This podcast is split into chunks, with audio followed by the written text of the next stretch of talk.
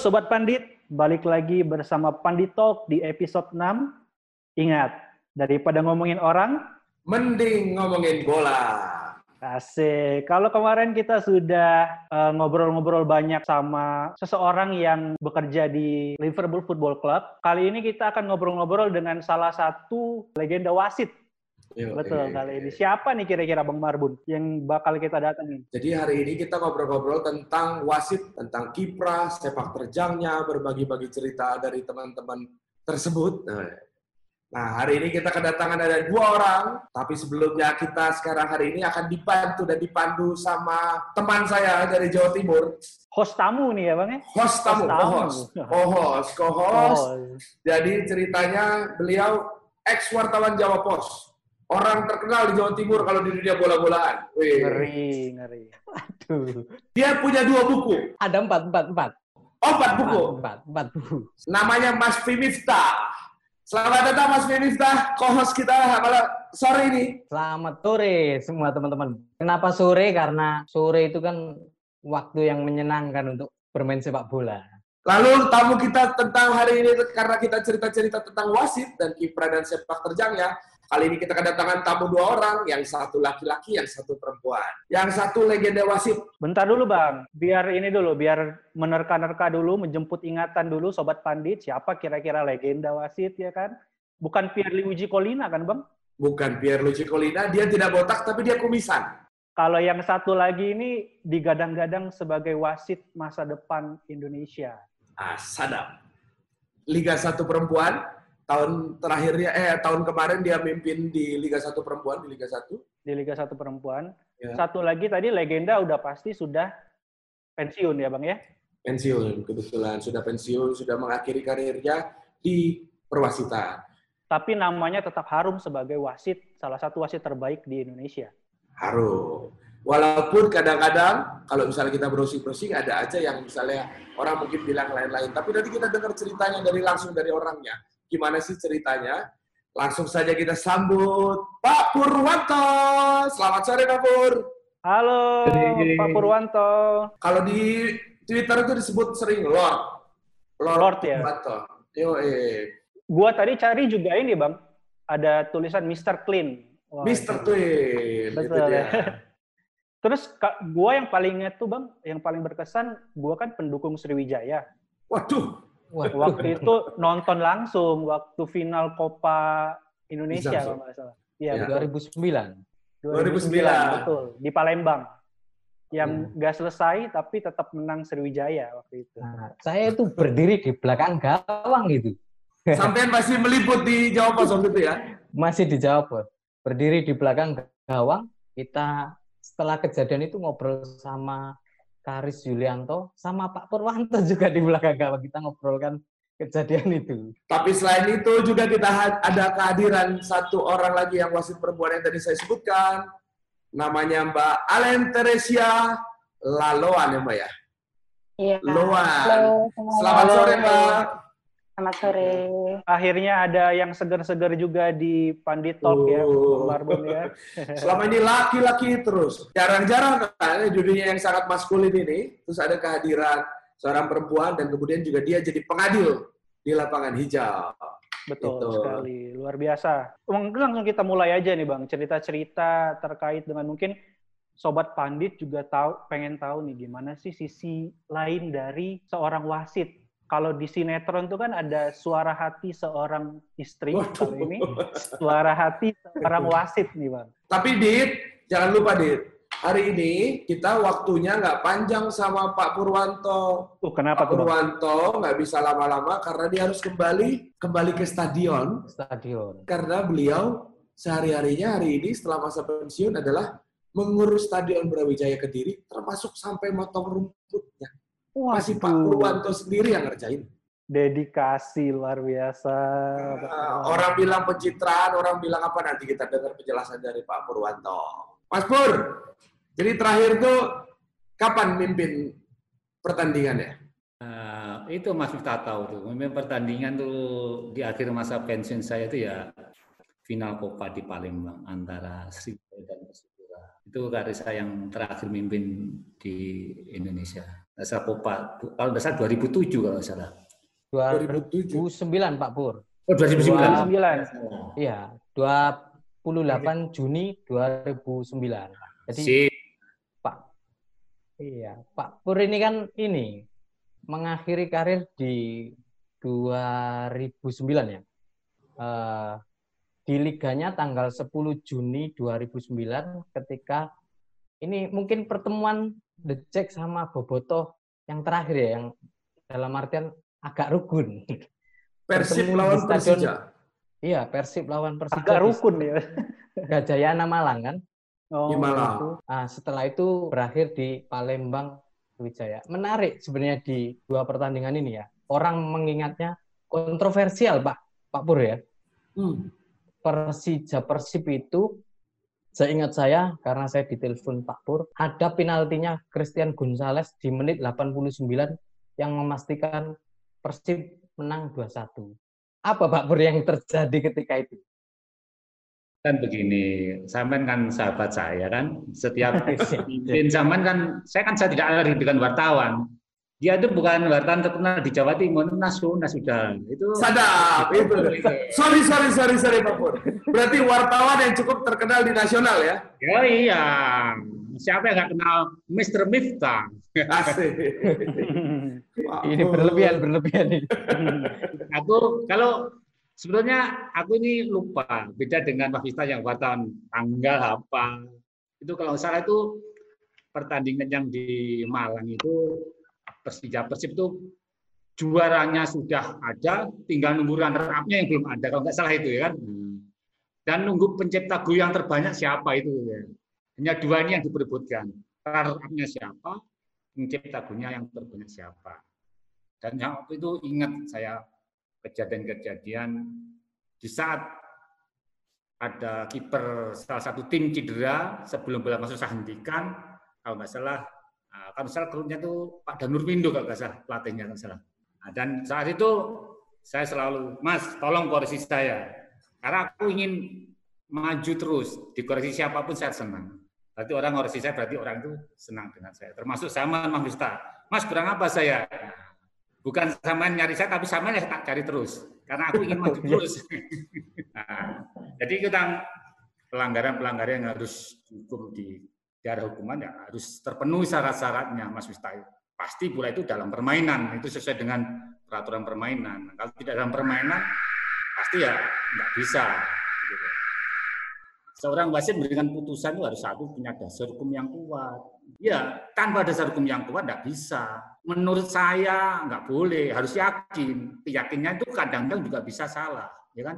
Dalam posisi. Dan yakin betul harus 100% bahwa itu suatu pelanggaran kalau hanya 99% nggak boleh satu persen pun bisa mengalahkan setelah nanti game selesai pasti hati seorang wasit akan gelisah satu persen itu bisa mengalahkan yang 99 persen Rasanya apa yang dikatakan Pak Pur ini bukan sesuatu yang ini ya, bohong. Tapi benar, Pak Pur setelah pertandingan Persib Persija itu, kebetulan posisi saya di Jayapura waktu itu. Eh, melihat pertandingan Persipura, pertandingan terakhir waktu Persipura juara ya.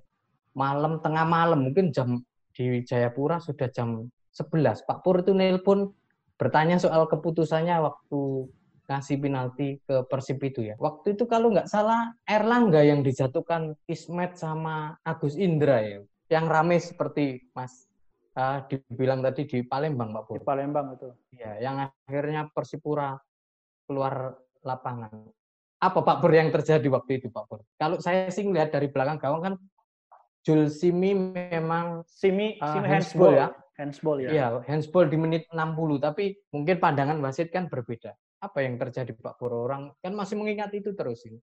semua semua instansi sepak bola itu dimanja dengan video rekaman ulang itu dimanjakan ya kan tapi seorang wasit persekian detik harus memberikan putusan Nggak ada rekaman ulang ya Pak ya pada saat ngambil keputusan ya Pak ya? Bukan kalau seperti kalau sekarang. dari rekaman lo saya bersyukur kalau sekarang ada apa saya bersyukur kalau itu memang handsball saya video off handball ya saya penalti selesai bagi saya dulu kan belum ada VAR-nya kan Nah, dulu kan hanya menggunakan pasal 5 kan seorang wasit itu kan punya keyakinan yang kuat Nah, ataupun dari informasi pembantu asisten wasit. Nah, menurut kami itu bukan handsball, maka tidak saya hukum, selesai bagi saya.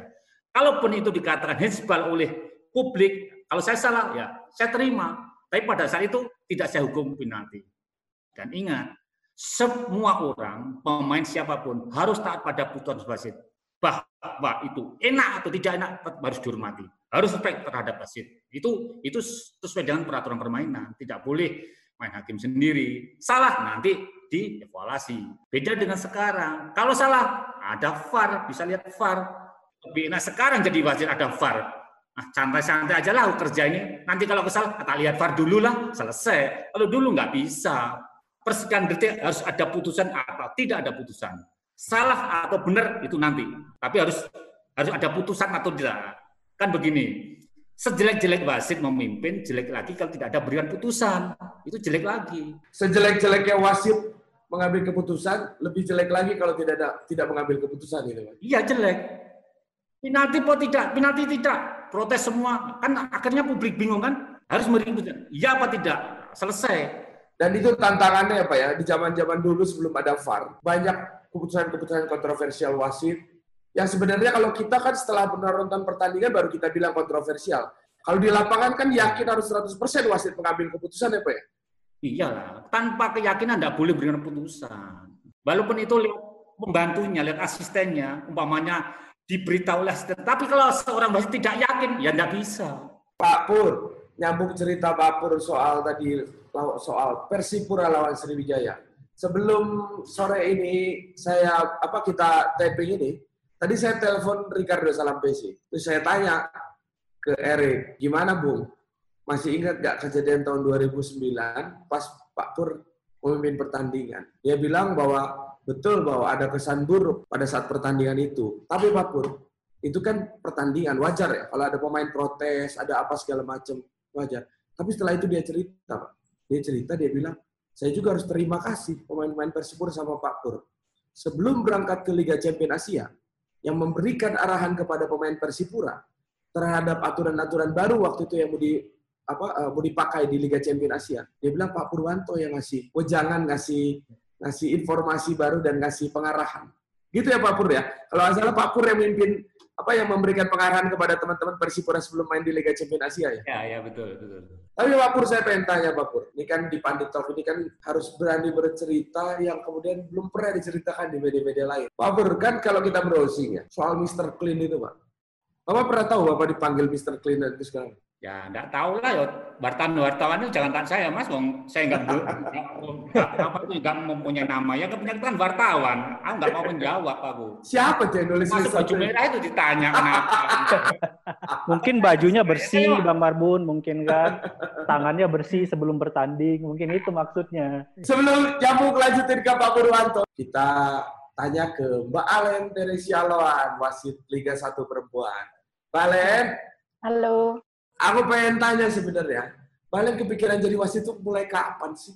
Kok bisa-bisa aja gitu? Sebenarnya kan gini, waktu itu kan SMA kan masih main, masih jadi pemain. Terus Pemain bola, pemain futsal, Mbak? pertama itu futsal dulu, awal itu kan pemain futsal dulu. Terus habis itu lihat yang ngewasitin mimpin pertandingan kan selalu cowok-cowok, bapak-bapak, mas-mas gitu kan. Nah, terus habis itu pernah sekali waktu cuma tanya sih sebenarnya, Uh, bang kalau misalkan uh, wasit yang cewek ada nggak sih? Kan waktu itu mungkin uh, saya sendiri belum terlalu dalam dalam dunia sepak bola jadi juga nggak tahu kalau ada wasit cewek nggak sih? Terus kata mereka ada bisa kok cewek jadi wasit katanya gitu.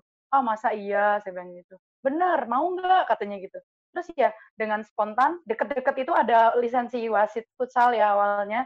Ya udah uh, ambil aja terus ikut-ikut kepelatihannya itu. Padahal uh, waktu waktu kepelatihannya itu kan rata-rata teman-teman yang ambil lisensi itu kan teman-teman yang udah biasa ngewasitin terus mereka cari lisensi. Nah, tapi waktu itu aku pribadi aku yang belum bisa new fluid, belum bisa apa-apa, nggak tahu apa-apa, yang ya udah pola ini apa sih ya ya iseng sih awalnya tadinya iseng. Baru setelah dua tahun 2018 ambil di sepak bola. Berarti tahun berapa itu Mbak mulai ngambil lisensi wasit pertama itu? Kalau futsal 2016, sepak bola baru 2018. Kalau di wasit futsal tuh ada lisensinya apa aja? Sama juga ABC juga? Kalau kalau di futsal level, level 3, level 2, level 1. Sebelum uh, lanjut pertanyaan, Mas Miftah bentar ini eh, saya mau nanya dulu nih buat Pak Purwanto sama Mbak Alen. Memang menjadi wasit itu bisa dijadikan profesi hidup nggak? Kalau mungkin ya ada teman-teman yang mau sobat pandit yang mau jadi wasit gitu kan yang pengen jadi pemain bola tapi nggak kesampaian ya udah deh jadi wasit aja gitu. Ya kalau kalau saya pribadi menurut saya cukup cukup buat biaya kuliah, cukup buat jajan, buat sehari-hari cukup. Oh, Kalau boleh tahu gede gak sih, Mbak? Nah, ini. Cukup. cukup bang, cukup udah dulu, cukup. aku pertanyaanku tuh gede apa enggak? Kok jawabannya cukup? Karena relatif, relatif. Oh, iya, iya, iya, iya. Betul tidak? Pak Pur? Pak Pur gimana Pak Pur? Bener nggak ini Pak Pur? Begitu Pak Pur. Karena kan kalau di Eropa kan ada yang ini juga ya bang. Nah, Ada yang dia. wasit juga jadi guru misalnya atau jadi akuntan. Kalau di Indonesia banyaknya gimana sih Pak Pur? Tadi kan saya cerita, Pak Pur tuh pas kemarin ditelepon sama saya, Mas, bentar dulu ya. Kenapa Pak Pur? Aku potong rumput dulu pagi-pagi. Loh, wasit kok sampean kan? Wasit kan kalau dengar-dengar ceritanya kan lumayan. Kok potong rumput, Pak? Wasit Oh, legend lagi ya. Pak. Iya, iya Pak Pur. Jadi kita sebagai manusia itu kan punya pilihan ya. Ya. Milih mau jadi apa pun punya pilihan ya. Mau jadi wasit punya pilihan. Dan kalau jadi wasit pun apa pun mau jadi wartawan apa, itu kan pilihan. Dari pilihan itu kan harus punya apa ya prinsip, ya. Iya. punya prinsip nah, dan punya karakter gitu loh. Ya, sama dengan wasit harus punya prinsip, punya karakter, ya kan? Mau kamu mau jadi orang bener juga resiko, mau jadi setengah bener juga resiko, semua pasti ada resikonya, ya. Kamu jadi wasit setengah hati juga resiko, ya. Semua itu yang kita ambil alih, ambil apa? Ambil keputusan ya. Mau aku ingin jadi wartawan, ya punya risiko juga. Kalau tulisanmu nggak bener juga dikritik orang, ya kan?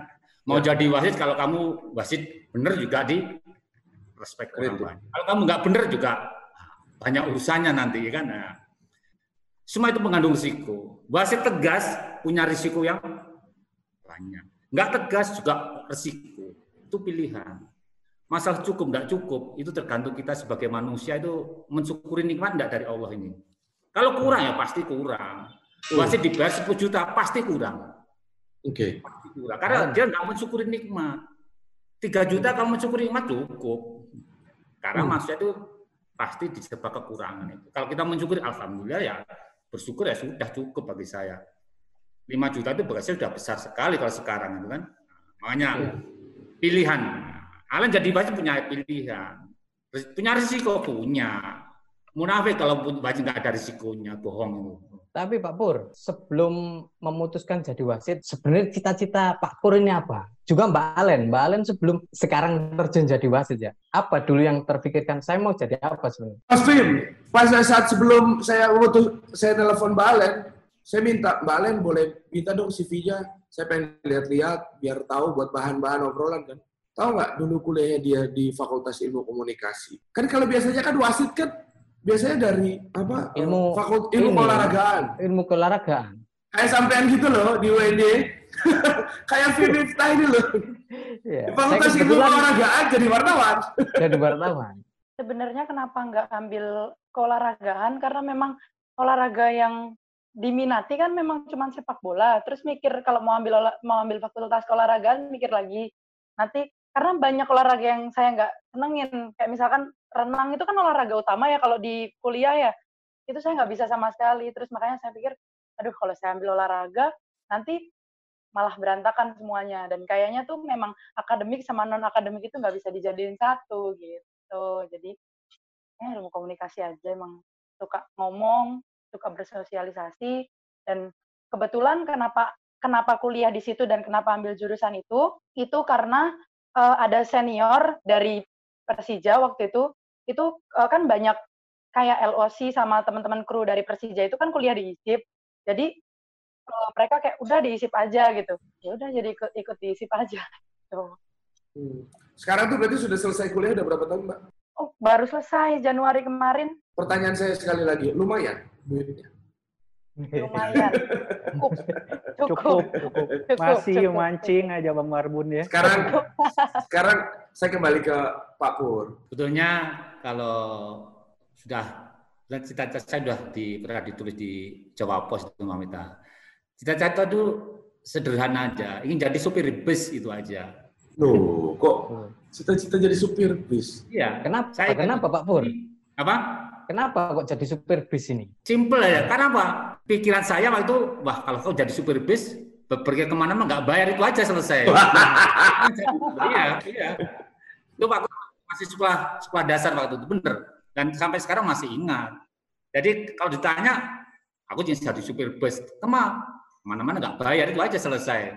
Tidak lihat bayarnya berapa enggak, itu aja. Tapi sudah sempat ngelamar ya, sempat ngelamar ke perusahaan itu bis ya Pak Pur? Oh ya, waktu itu saya uh, habis itu sekolah terus pernah melamar di PU Harapan Jaya, kan salah nggak apa-apa sebutnya.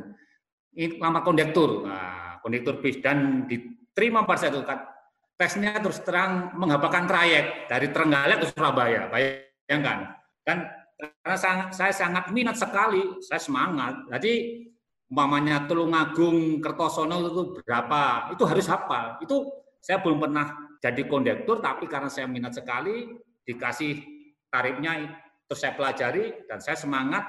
Pada saat itu kakak saya saya suruh ngetes. Tes tarif dari Trenggalek ke Surabaya, diacak. Saya harus hafal betul dari Trenggalek itu kota mana aja yang dilewati bis ini, Durenan, Tulungagung, Adiluwe ya.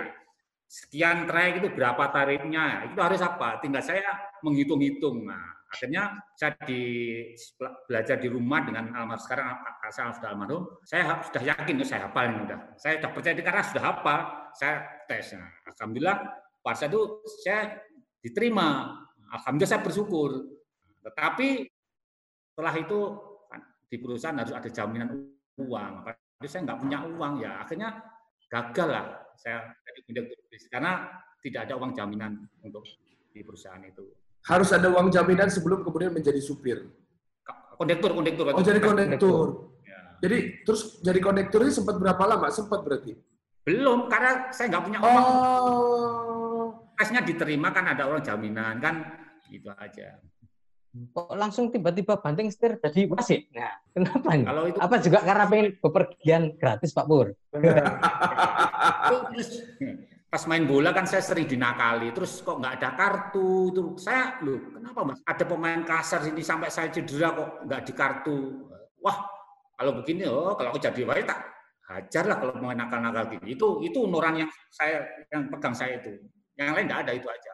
Karena aku di, dinakali terus nggak ada hukuman, saya kok nggak di kartu gimana ini? Akhirnya saya timbul. Nah, kalau gitu aku kalau jadi wasit udahlah tak terapkan benar aturan itu cita-cita itu selesai bagi saya. Tahun berapa itu Pak berarti memutuskan pertama jadi wasit itu? Nah, 89 dan mungkin 89 aku lupa aku. Daripada salah Mas Miftah mungkin yang lebih tahu. Pertandingan pertama yang dipimpin apa Mas? Masih ingat nggak? Kalau waktu itu dulu kan divisi utama kan? Ya utama. Ya. Ini karir saya yang nasional kan. Ya, waktu itu kan saya masih wasit yang paling muda sendiri kan. Waktu ada zamannya Imadi Sudre, Julki Visaniaku, Aan Setianger. Lah, kan masih top-top dulu banyak kan. Nah, ya kan saya kan paling muda sendiri kan. Nah, waktu itu saya disuruh mimpin waktu di Sutama mimpin Persib lawan PSDS. Waduh, Persib lawan PSDS. Nah, lupa tahunnya itu, Persib lawan PSDS. Terus senior-senior, pur hati-hati loh, ini pertandingan keras nih, Persib dengan PSDS. Siapa? Makasih atas sarannya. Nah, saya ya terus terang masih masih muda kan ya pasti ya mut-mutan lah kok dikasih mimpin pertandingan yang keras ini aku belum pernah mimpin divisi utama baru kali ini dinaikkan langsung pertandingan keras udahlah aku prinsipnya simpel aja udahlah sasarakan Allah yang maha kuasa lah aku yang nugaskan Allah saya kembalikan Allah udah selesai nggak mikir macam-macam dan akhir pertandingan pada itu kosong kosong nggak salah main di Bandung kalau Mbak Alen Mbak Alen pertandingan pertama yang dipimpin sama Mbak Alen terus rasanya gimana gitu. Tapi nggak tahu ya, tensi kalau tensi tensinya kalau di Liga 1 perempuan, kalau sepengetahuan Mbak Alen dengan Liga 1 yang laki-laki lebih tinggi laki-laki tentunya ya. Kalau supporter segala macam jauh lebih banyak kalau misalnya laki-laki yang main ya. Iya benar. Kalau untuk masalah supporter segala macam tetap lebih banyak laki-laki. Tapi kemarin kan di Malang, waktu di Malang tetap aja Persebaya Arema itu tetap jadi pertandingan krusial dan tetap jadi Maksudnya supporter tetap sama kayak yang sama uh, apa ya fanatik ya kayak modelnya kayak gitu sama kayak sama kayak ke pertandingan yang Liga 1 yang putra biasa gitu. Kalau Dan Mbak Alen mimpin itu? Oh enggak, waktu di itu kan seri 1 di Malang itu waktu itu pertandingan pertama saya itu Persipura PSM Makassar. Nah, waktu yang Arema Persebaya itu senior yang. Sama ini ya kasar-kasarnya jahil-jahil dia sama yang putra segala macam. Ada aja sih ada, ada aja sih, ada aja sih tetap. Tapi Balen juga kan terbiasa juga kan, sering mimpin juga kan kalau pertandingan laki-laki kan ya. Saya sering lihat kalau di Instagramnya stalking-stalking. Iya, biasa kalau misalkan lagi libur liga kan biasanya di Jakarta kan banyak main football, segala macam biasanya. Atau kalau dari Asprof atau Askot sendiri biasa kan ada kategori umur U17 atau U15 biasanya. Tapi sering nggak Mbak dijailin pemain gitu Mbak? Ada sih, ada aja. Pasti kalau yang jahil ada aja. Cuman kalau misalkan, kalau secara verbal itu banyak, banyak banget. Kalau untuk, cuman untuk, uh, maksudnya bersentuhan atau secara fisik, uh, ada tapi nggak banyak. Kasar-kasar nggak sih Mbak? Kalau di laki-laki ya, nggak tahu ini juga aku kan karena sering cerita-cerita sama wasit aja Pak Pur. Pokoknya semua urusan binatang-binatang itu keluar semua. Kalau dia perempuan gimana Mbak? Ada, tetap tetap sama. Sama ya? Cyber-cyber model kayak gitu pasti tetap ada ya? Tetap ada. Ngomong-ngomong yang jahil nih Bang, Pak Pur ingat nggak pemain-pemain Liga Indonesia yang jahil siapa aja? Seorang wasit itu kalau mau mengikuti pertandingan harus tahu tim mana yang bertanding ini, kan? Secara apa? Kalau mamanya Persib dengan Persija, Arema Persibaya. Wasit harus berpikir, nah, ini tensinya tinggi, tinggi di dalam maupun tinggi di supporter, ya kan? Di kedua tim ini siapa pemain yang sering nakal? Wasit harus punya ini, manajemen ini harus tahu, oh pemainnya nomor 10 yang sering nakal. Oh, dari tim B nomor 12 ya. Ini harus perlu pengawasan, bukan ngancam ya, pengawasan yang ketat. Nah, kalau kita lihat contohnya Widodo, Bang Widodo, kita nggak perlu pengawasan karena Widodo mainnya fair play, nak, ya kan? Nah, hmm. Widodo itu baik ya, Mas ya? Baik.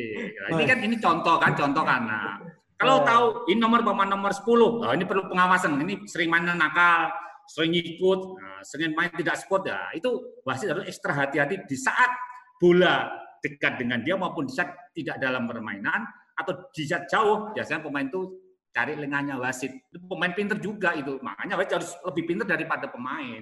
Pemain juga pinter juga.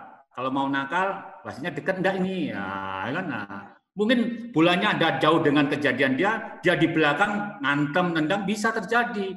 Nah, makanya ini tugasnya pembantu wasit, asisten wasit. Nah, kalau wasit tidak tahu, dia boleh bertanya kepada pembantunya, apa yang kamu lihat terjadi?